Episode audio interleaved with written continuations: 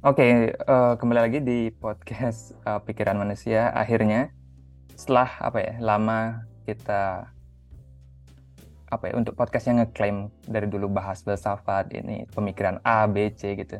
Tapi kayak nggak valid gitu kalau nggak pernah ngundang uh, yang benar-benar berkecimpung gitu di dunia filsafat mungkin secara akademis gitu ya. Dulu pernah sih kita ngundang tamu, tapi itu komedian. Nah sekarang akhirnya kita berhasil gitu mengundang bisa kita bilang filsuf ya di Indonesia ya. Halo Kang Syarif Maulana. Halo uh, Bung Yoga. Halo teman-teman pendengar uh, podcast ini. Ya, jadi berdasarkan hasil stalking saya ya, dari beberapa hari yang lalu, berarti Kang Syarif ini dosen ya di Unpar ya, Universitas ya, Katolik. Ya, Unpar dan sekarang ngajar juga di uh, UMN. Uh, jadi emang ngajar gitu ya kayaknya filsafat ya khusus. Uh, ya kalau di Unpar ngajar, uh, saya ngajarnya di Fakultas Filsafat. Um, kalau di UMN sebenarnya uh, humaniora ya, mungkin ya. kayak MKU ya kalau dulu. Oke okay, oke. Okay. Dan juga uh, inisiator dari kelas isolasi ya saya lihat juga ya hmm, ya ya ya kebetulan ha, bareng Nino ya muridku oh, gitu. dulu. Jadi itu kayaknya kelas gitu ya kelas filsafat online ya? Hmm. Hmm, hmm. betul betul. Kelas isolasi uh, platform kelas belajar filsafat yang uh, bisa dikatakan gratis ya. Uh, YouTube-nya bisa uh, diakses. Uh, mungkin sudah 200-an episode uh, ada ya Twitter X uh, Instagram Threads uh, website juga ada ya udah jalan sejak pandemi ya sampai sekarang mungkin tiga setengah tahun ya lama ya udah tiga hmm. tahun mana sih 200 oke okay. dan juga uh, saya lihat juga penulis ya jadi mungkin nanti kita akan bahas sedikit di akhir itu ya tentang tulisan-tulisannya Kang Syarif tapi sebelum itu mungkin kita untuk awal perkenalan gitu ya. Mungkin uh, podcast ini juga karena saya juga backgroundnya bukan filsafat dari awal gitu. Ya. Mungkin saya mewakili teman-teman yang lain yang pengen masuk gitu ke ke skenanya filsafat Indo kayak gimana. Jadi mungkin uh, mungkin Kang Syarif bisa perkenalan dulu gitu ya. Uh, kan di apa ya Yunani kuno kan banyak itu istilah kayak know thyself gitu. Jadi mungkin uh, Kang Seri bisa gitu. Mungkin gimana dulu grow up-nya gitu dari kecil gimana? Mungkin udah apakah sudah suka gitu ya berfilsafat udah ada mempertanyakan hal-hal menarik gitu dari mungkin kecil atau remaja atau gimana? Oke oke uh, menarik karena pertanyaan ini apa ya sangat uh, ini ya sentimental ya buat saya. ya jadi mungkin secara garis besar aku tuh bukan lulusan filsafat ya. Jadi aku S1-nya HI, S2-nya komunikasi. Sekarang baru ngambil filsafat tuh eh, S3. Jadi bisa dikatakan aku banyak belajar sendiri. Eh, dulu dari diskusi ke diskusi, Terus kebetulan uh, almarhum bapak saya kan ya seniman ya, senang baca di rumah banyak buku. Terus ya senang diskusi dulu dari kecil tuh nge, apa kayak uh, sering diajak ngobrol, nggak ngerti sih dulu ngobrol apa ya hmm. bap bapakku tuh. Tapi kayak lama-lama mulai aku kuliah gitu ya. Uh, dari SMA mungkin ya, SMA SMA akhir itu udah mulai suka bertanya-tanya lah suka atau dari kecil sih aku biasanya bacanya udah dikasih apa ya ensiklopedia sama buku-buku penemu gitu hmm. sama orang tua tuh kayak Einstein, uh, Newton, terus Hawking ya. Aku ingat banget dikasih uh, buku Hawking. Aku nggak ngerti waktu itu tapi aku baca tetap um, sampai uh, mulai mau apa uh, SMA itu udah mulai bertanya-tanya, udah nanyain Tuhan dan sebagainya. Nah, kuliah aku ikut extension core filsafat Unpar. Jadi semacam kursus filsafat dan uh, bapak saya waktu itu semangat banget ya ngebayarin aku kursus itu. Ya ikut sampai beberapa edisi lah. beberapa tahun gitu. Jadi sambil kuliah di HI, aku kuliah di Extension Core Filsafat Unpar itu. Jadi banyaknya baca sendiri sih sebenarnya. Uh, jadi dulu aku nganggapnya ya filsafat tuh kayak apa ya uh, ya bisa dipelajari semua orang. Tapi setelah kuliah ya ada disiplinnya sendiri. Gaul sama teman-teman filsafat ya ada sesuatu yang ya sama kayak ilmu-ilmu lain lah kayak kedokteran kan. Oke orang-orang bisa nyembuhin sendiri tapi lulusan kedokteran pasti punya satu khas yang membedakan bahwa dia itu lulusan kedokteran gitu nah sama dengan filsafat juga. Tapi ya mungkin hasilnya ya aku jadi sekarang karena kuliah dan bergaul dengan teman-teman dari disiplin filsafat yang uh, formal, tapi juga karena aku dulu bukan dari filsafat dan uh, banyak diskusi dengan orang-orang non filsafat, ya mungkin jadinya aku kayak lebih bisa fleksibel kali ya, jadi nggak terlalu teknis, tapi juga kalau diajak apa yang teknis mungkin uh, sudah dapat sedikit uh, ilmunya sekarang. Uh, gitu ya sementara mengaga jadi memang ada apa ya lingkungan juga ya mendukung untuk gitu ya uh, kefilsafat dan didukung juga ada extension course juga gitu ya. Betul. Uh, ya jadi mungkin mirip juga ya sama saya gitu karena kan dari awal bukan yang langsung dari awal nyemplung ke filsafat gitu tapi emang menemukan atau mungkin ditemukan sama filsafat juga gitu. ya Oh, ya ada satu hal yang terlewat. Jadi sebenarnya waktu kuliah mau kuliah S1 itu aku maunya daftar filsafat Unpar waktu ya. itu. Tapi uh, bapakku kebetulan uh, ada sedikit uh, kenal ya dengan Pak Bambang yang uh, ngurusin filsafat Unpar itu konsultasi. Anak saya mau kuliah di sana bagaimana? Lalu Pak Bambang menjawab, uh, oh jangan kuliah di sini, di sini untuk calon pastor katanya, gitu. Ah. Jadi Pak Bambang seorang yang aku pikir, um, ya aku pikir dia kayak oh masuk masuk aja gitu ya, kayak cuek, tapi dia kayak uh, ngerti bahwa oh ini bukan buat uh, anak kamu karena anakmu kan ya Muslim gitu ya, kayak seolah-olah begitulah. Jadi jangan masuk sini gitu. Nah itu juga walaupun eh, nggak uh, bisa waktu itu tapi kayak ya aku kembali ke situ ngajar di situ. Jadinya balik lagi ya back on gitu ya. Oke tapi nah yang menarik kita kan sama-sama. Kita bukan yang background filsafat tapi kenapa tiba-tiba banting setir gitu ya? Kenapa ke filsafat kan apa yang membuat apa ya filsafat yang bikin akan tertarik dengan filsafat gitulah ya bu, uh, bukan banting setir ya tapi lebih tepatnya kayak ada panggilan ya. Bukan panggilan juga ya kayak panggilan terlalu mistik gitu. Uh, tapi ya seneng aja. Sebenarnya aku kan uh, lama tuh berkarir tuh bukan berkarir ya tapi aktif tuh di dunia musik ya. Aku banyak main musik uh, ngurus komunitas musik klasik dulu. Lama itu kayak mungkin 10 tahun lebih.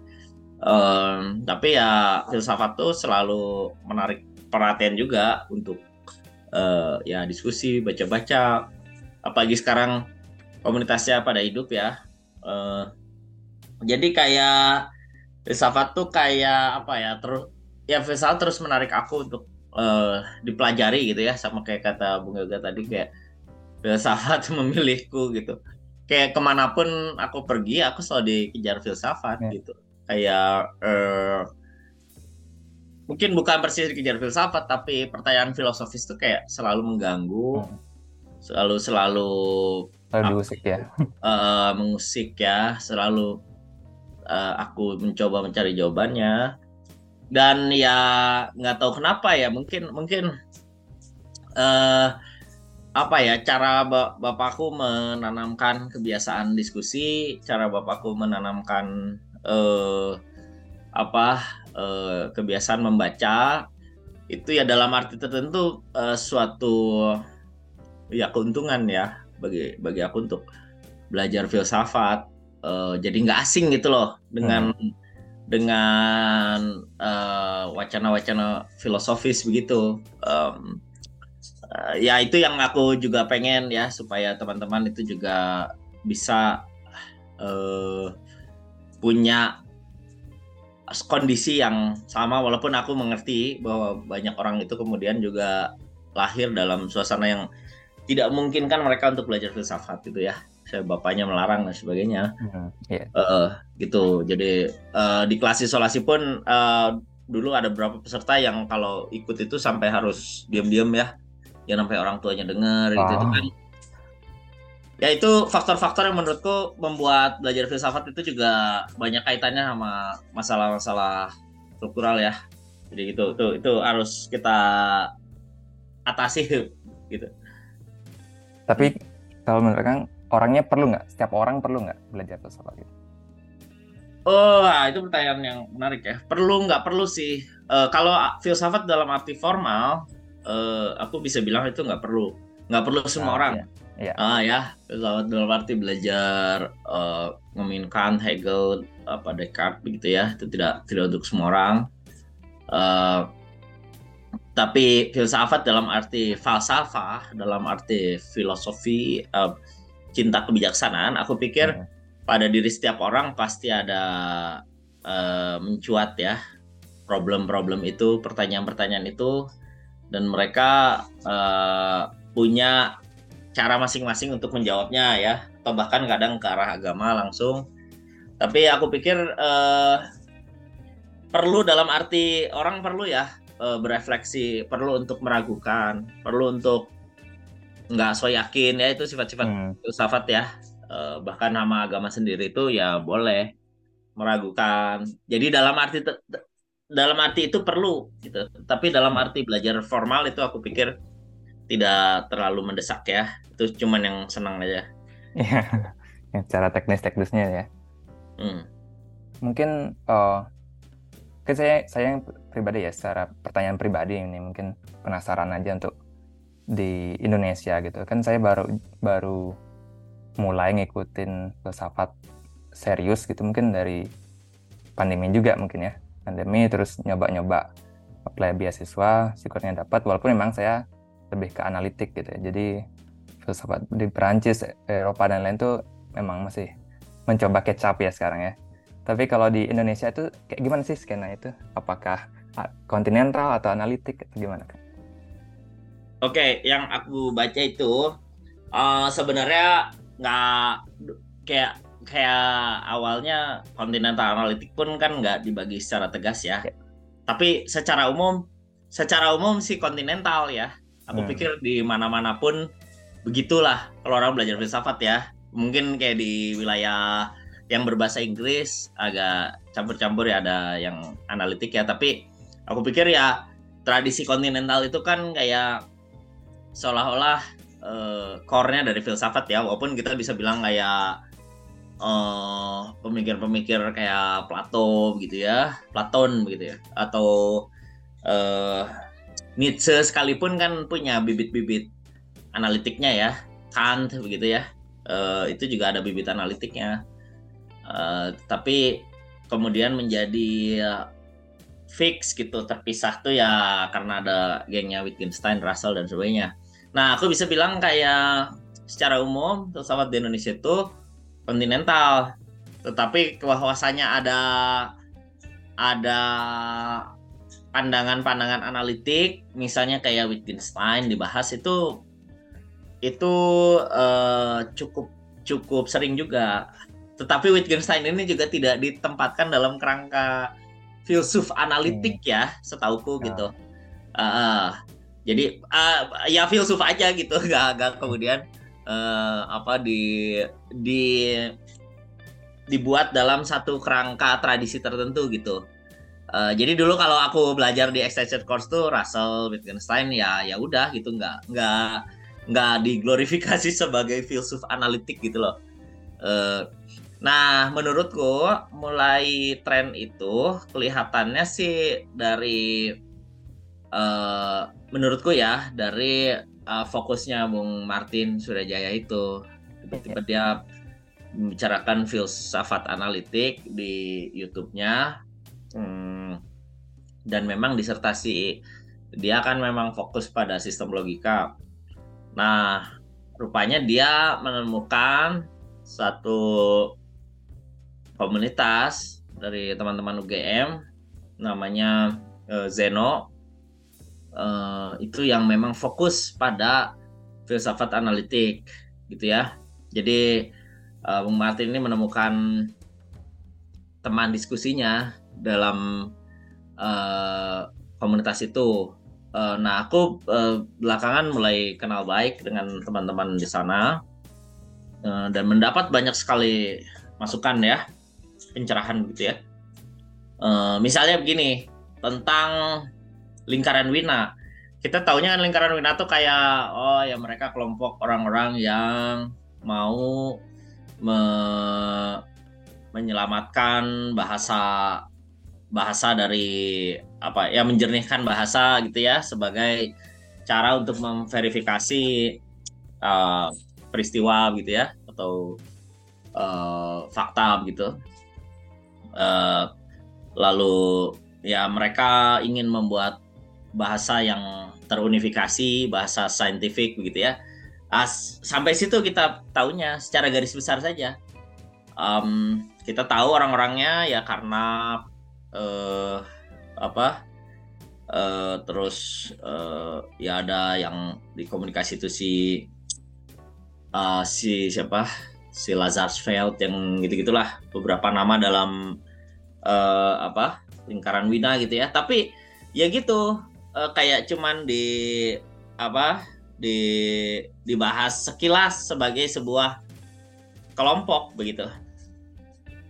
Nah, jadi tidak dibahas satu persatu gitu.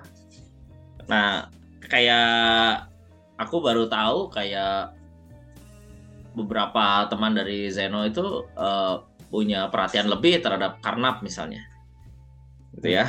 Uh, itu kan kayak wow, uh, ada ya orang bahas Karnap gitu loh, gitu ya.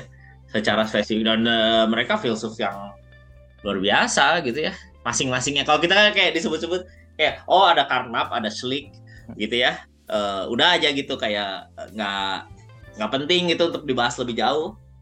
Kayak satu geng terus kayak mereka diserang oleh Karl Popper dan selesai gitu. Itu jadi uh, kalau sekarang menurutku minat terhadap analitik tuh uh, mulai besar ya hmm. uh, tapi uh, tetap sih kontinental banyak ya kan yeah. orang biasanya masuknya lewat masuk ke filsafat tuh lewat eksistensialisme, lewat marxisme gitu kan. Ya, ya. Uh, itu biasanya langsung masuk pada tradisi kontinental. Tapi uh, kalau teman-teman yang kayak dari awal udah senang logika, senang matematika, uh, atau arah-arahnya ke arah sains, biasanya mereka lebih tertarik uh, masuk lewat analitik gitu. Hmm. Itu, itu garis besarnya. Ya, mungkin sama sih dengan pengalaman saya. Dulu juga awalnya masuknya dari kontinental dari ya apa eksistensialisme dan lain-lain itu. Mm. Tapi lama-lama tapi saya lupa oh, gimana. Pokoknya dapat yang ini besok itu diajar-ajarin terus lama-lama juga mulai suka sih dengan analitik dan keduanya sih gitu ya. Kayak kita ngelihat uh, eh sorry uh, di Glasgow ya dulu. Iya. Uh, belajar apa tuh persisnya? Sorry aku jadi balik nanya nih. Iya nggak apa-apa. Kita ngobrol aja kang. Uh, di sana saya ngambil kan karena ada kayak matrikulasinya juga itu jadi dia ngajarin filsafat analitik secara general jadi semua itu lumayan agak dicepetin ya dari logika, etika, philosophy of mind, philosophy of language dan lain-lain itu dijadiin satu course setahun tapi habis itu kita juga bisa milih opsi mau fokus ke mana um, hmm. terus saya juga lebih ke senangnya ke gitu sih etika sama filsafat moral gitu Oh. bahasin Hume kan gitu aja di sana seringnya. Oh ya ya ya. Oh kalau Scotland ya pastilah Hume gitu ya. Ya di sana. di Glasgow juga kan itu Adam Smith itu di sana. Adam Smith ya orang Scotland. Iya. Dia kan rektor di sana di Glasgow dia, pengajar. Oh. Lulusan sana juga. Baru tahu Adam Smith orang Scotland. Iya, mereka berdua kan temenan itu, Adam Smith sama Hume. Gitu ya? Iya. Oh iya iya, itu uh, ekonomi tuh dulu kan ini ya.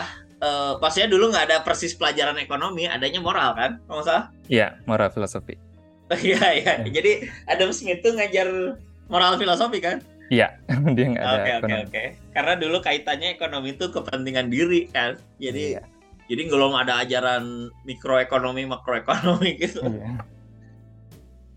Oke, sampai mana tadi? Oke, mungkin kita gitu ya. Apa ya sama sih tadi kan awalnya saya ke dari kontinental terus di sana mulai suka juga gitu analitik tapi saya lebih suka memang ya keduanya memang apa mungkin beda cara tulis aja ya kalau analitik memang lebih harus clear dan terstruktur aja disuruhnya. Hmm. uh, ya. mungkin kita lanjut aja ke gitunya. Uh, ke karya-karyanya Kang Syarif aja gitu. Menarik soalnya saya dari dua hari kemarin itu uh, cari-cari gitu tonton-tonton videonya. Dan uh, yang paling banyak itu yang tentang demotivasi ini. Apa sih nih Kang?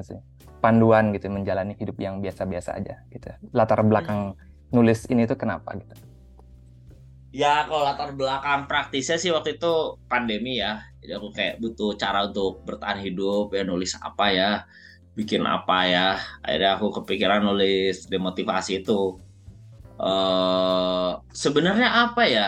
Kalau teman-teman yang akrab dengan eksistensialisme tuh ya demotivasi tuh eh, ini ya nggak aneh gitu.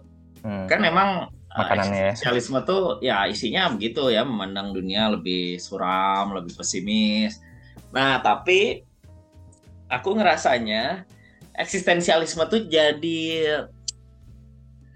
jadi khusus kajian filsafat gitu loh jadi hmm. sementara kita punya satu uh, konsep yang kemudian diterima masyarakat kontemporer ya masyarakat hari ini sebagai konsep yang menurutku uh, banyak lemahnya tetapi orang menerimanya seperti hukum umum ya yaitu motivasi itu.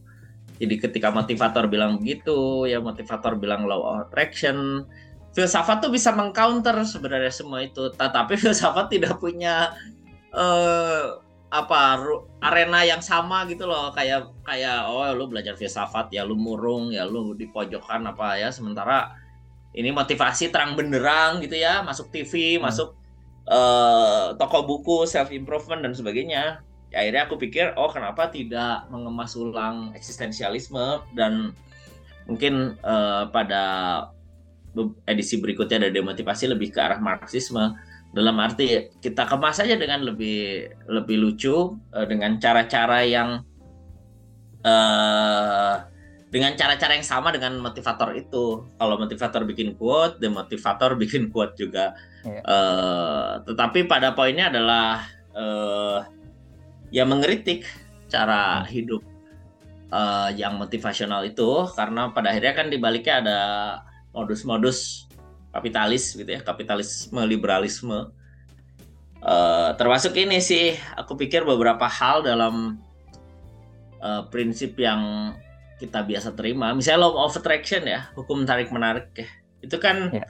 simple dan make sense gitu ya apa yang kita pikirkan ya kita akan uh, ketarik gitu apa yang kita apa kita inginkan ya kita uh, tapi kan nggak mudah ya untuk seperti itu ya. Yeah. terus kritis juga misalnya apakah law of attractionnya Elon Musk sama dengan law of attractionnya uh, orang yang nggak punya privilege gitu ya. Elon Musk disuruh mikir kemiskinan juga ada nggak akan miskin ya. Gitu maksudku ada hal-hal yang kemudian uh, kurang bisa dibaca oleh orang dan makanya jadi ya kayak dikibulin gitu loh. Nah, yeah. di sini butuh filsafat untuk apa mengkritisi prinsip-prinsip seperti itu. Nah, tapi filsafatnya harus seperti apa? Dengan filsafat yang eksistensialisme banget begitu ya. Harus ada cara-cara untuk membuatnya menjadi lebih ringan dan bisa dibaca banyak orang. Uh, itu kira-kira mencoba. Ya, jadi approach-nya yang diubah ya. Betul, betul. Ya, jadi mungkin saya juga mau pengakuan dosa. Itu The Secret saya juga percaya tuh waktu SMK. ya ya ya. Uh, tapi ke Glasgow itu karena The Secret juga, karena Law of Attraction. Kayaknya sih. Enggak. aduh sir nggak nggak ada nyangka malah dapat gitu kan uh, ya emang. Apalagi emang kalau dilihat dari saintifik mungkin apa ya apa metode saintifik itu nggak bisa di apa falsifikasi gitu ya law of attraction itu ya. Ya Kalau gagal science kan? iya. Kalau gagal ya salah pikiran kita aja. Kalau benar, benar. udah gagal ya itu kamu pikirannya kurang fokus sih gitu ya. Padahal mungkin ada temennya Bung Yoga yang lebih pengen ke Glasgow mungkin ya. harusnya ya. Hmm. Oke, eh, ya menarik menarik. Dan tapi apakah berarti gitu ya eh, demotivasi ini bikin membuat orang malas-malesan gitu? Apakah gimana? Dan nggak kita nggak perlu nge- ngejar achievement atau gimana kan? Oh ya ya itu itu uh, persepsi yang sering muncul ya. Pak demotivasi ini lebih bikin orang males atau apa? Eh, sebenarnya nggak juga. Justru poinnya adalah membuat orang tetap bersemangat tetapi dengan sadaran ya. Itu dengan dengan lebih sadar menjalaninya, tidak di dimanipulasi gitu. Ya, demotivasi kan sebenarnya cara untuk mengingatkan bahwa ya kita kerja ya kerja aja karena butuh duit kan karena nggak ada pilihan lain kan gitu Eh, kita ngantor ya karena ya terpaksa terpaksa karena harus dapat uang begitu. Itu aja. Bukan karena kita diiming-imingi tanggung jawab bukan karena kita eh, diiming-imingi untuk terus mengembangkan diri. Itu kan eh, hanya macam manipulasi ya Hmm. supaya kita itu mau dicuri nilai lebihnya gitu kira-kira ya supaya digaji sekian kerjanya harus lebih banyak dong. Tapi selisih lebih banyaknya itu kan mesti disemangatin gitu loh. Eh, ya kamu kalau pulang lebih akhir ya lebih keren gitu ya. Kamu Ya. pegawai teladan gitu. Datang lebih duluan beres-beres dulu. Anggap aja rumah sendiri. Iya, Eh, padahal bukan gitu gitu ya kita ini keluarga loh di kantor. Ah, itu keluarga, keluarga ya. Jadi kalau digaji kecil apa telat dikit nggak apa-apa namanya juga keluarga. Gitu. Iya, iya. Jadi lebih mungkin mengdemotivasi ini mengcounter manipulasi yang terselubung dengan kata-kata motivasi gitu ya kayaknya. Ya, betul, betul. Jadi motivasi itu kan sebenarnya modus ya buat kita eh, supaya pekerja tuh lebih rajin gitu ya. Kan kalau bos mah nggak butuh motivasi sebenarnya. Dia kan udah tahu ininya. eh apa ya apa yang dia kerjakan dan hasilnya itu kan relatif kebayang lah kalau pekerja-pekerja yang di bawah-bawah gitu kan gimana caranya dia harus tetap bisa menopang company gitu dengan kerja lebih untuk kekayaan bosnya itu Iya, iya. Dan mungkin ya itu sih, mungkin motivasi eh, sedikit tentang demotivasi. Mungkin lanjut ke itu ya, buku yang terbaru aja kali ya. Ya sebenarnya saya rencananya pengen baca dulu, sedang OTW tapi belum sempat baca ya, Kang ya. Eh, Hmm. yang ini, yang fils- apa seni berfilsafat bersama anak ini. Ya. Ini judul- judul-judulnya mirip gitu ya, The Art of gitu ya, apa gitu ya. Eh, ya ya Eh, yang itu ya terbitan cantrik itu ya Iya. Mm-mm. jadi Eh. itu tuh dari aku bikin kelas ya sama teman eh, ada yang ngajakin namanya Mbak Rahel Eh, dia ngajakin bikin kelas namanya Philo Kids dan Philo Teens Um, waktu itu nggak ada bayangan sama sekali kelasnya akan seperti apa materinya akan seperti apa jadi eksperimen aja termasuk soal batasan usia dan sebagainya ya. Akhirnya diputuskan 10 sampai 15 dan 13 sampai 17 waktu itu jadi ada yang irisan lah jadi ada anak-anak yang mungkin eh, sudah bisa eh, apa ya lebih dis- berdiskusi gitu itu kan eh, mungkin bisa sama usia yang lebih senior ya. Eh, tapi pernah dicoba 15 sampai 21 itu susah banget usia 15 Terlalu. sama 21 tuh udah beda banget Iya, iya, iya. 15 kan kayak SMP gitu kan SMP Iya. SMA SMP lah 21 kan udah kuliah jadi jauh jadi jauh uh, tapi uh, poinnya pertama titik berangkat asumsinya adalah anak-anak itu sebenarnya udah berfilsafat ya mereka ya. akan mengajukan pertanyaan-pertanyaan yang filosofis sebenarnya uh, yang mungkin mengejutkan buat orang tuanya dan kita memfasilitasi jadi buku itu tuh sebenarnya kayak apa ya kayak ajakan untuk memfasilitasi. Hmm. Tapi asumsinya tuh gini, uh, anak tuh nggak mungkin bisa filsafat atau anak tuh nggak mungkin belajar filsafat kalau lingkungannya tidak mendukung, gitu ya. Yeah. Jadi kalau orang tuanya nggak suka, gurunya nggak suka, dia bakal kesulitan belajar sendiri sebenarnya, itu. Jadi yang mau ditekankan dalam buku itu ya orang tuanya mesti ngajarin juga gitu orang tuanya mesti belajar hmm. juga dan orang tuanya harus senang gurunya harus senang berarti itu kayak satu ekosistem dalam berfilsafat tuh tuh jadi bukan bukan jadi nggak bisa apa kayak ini bukunya uh, terus dikasih ke orang tuanya terus orang tuanya kayak nyuruh anaknya baca itu nggak bisa orang tua harus mendampingi gitu Nah, tapi poin dari buku itu sebenarnya belajar filsafat untuk anak-anak tuh ada dua dua uh, prinsip ya. Pertama, kita tidak menyebut nama filsuf. Jadi tidak perlu menyebut uh, kata Descartes, kata Platon, kata Aristoteles dan sebagainya. Dan yang kedua, tidak perlu menyebut teknis istilah filsafat ya jadi jangan nyebut dualisme, jangan nyebut dunia ide, jangan nyebut idealisme roh absolut gitu jangan. Tetapi lebih pada spirit, uh, bukan spirit, uh, tapi lebih pada jalan pikir ya gitu. Hmm.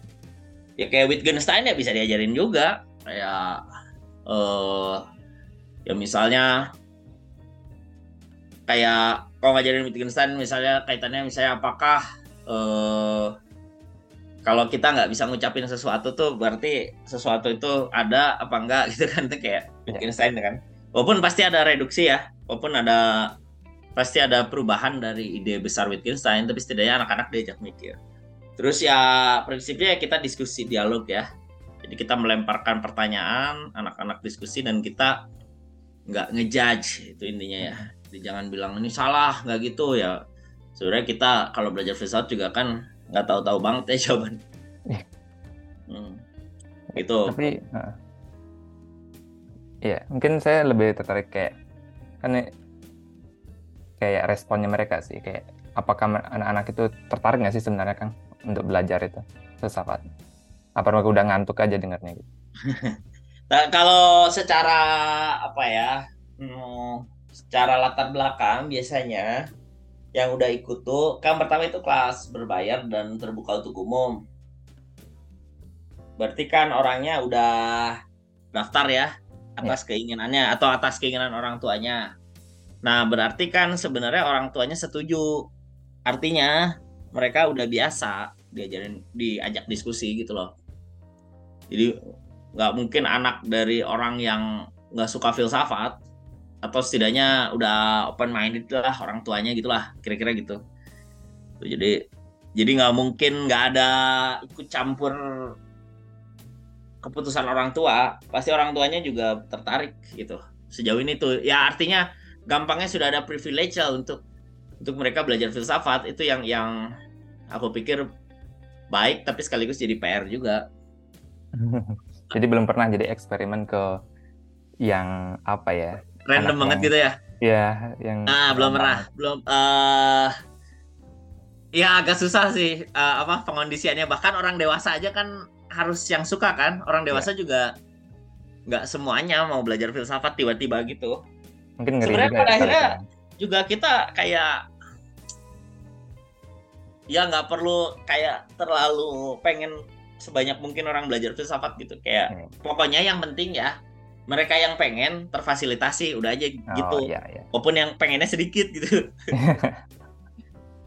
itu ya mungkin kalau dikasih ke umum ke halayak luas mungkin takutnya digerebek juga kali ya iya nanti repot gak usah semua hmm. belajar filsafat tuh pusing Oke, menarik. Itu dulu sih kali ini. Uh, mungkin nanti saya pengen juga ngobrol ngobrol-ngobrol sama teman-teman yang lain juga. Itu jadi kebanyakan di Bandung ya, ya untuk komunitas? Uh, enggak, enggak. Justru, justru uh, pandemi itu mempersatukan banyak pegiat filsafat uh, dari berbagai tempat di Indonesia yeah. gitu. Uh, ada orang di Malang, di Jogja, di Kalimantan ya. Bahkan nanti akhir tahun ini ada Filofest ya, itu festival oh. filsafat yang kita inisiasi sejak 2020 sudah berlangsung ini yang keempat. Yang pertama di Jakarta, yang kedua di Malang, yang ketiga di Pontianak dan nanti di Lampung. Itu benar-benar inisiasi komunitas. Jadi benar-benar nggak ada sponsor bener-bener wah swadaya lah uh, ini offline eventnya uh, offline online biasanya mulai uh, yang ke satu kedua tuh masih online yeah. ketiga udah nyampur yang keempat pasti campur lah karena orang pada pengen nonton ya? Ya. Itu sempat sempat saya. Yang masih online itu sempat saya uh, nonton nonton dikit. Oh nonton ya? Yeah, yang, yang, yang pertama? Iya kayak yang pertama deh.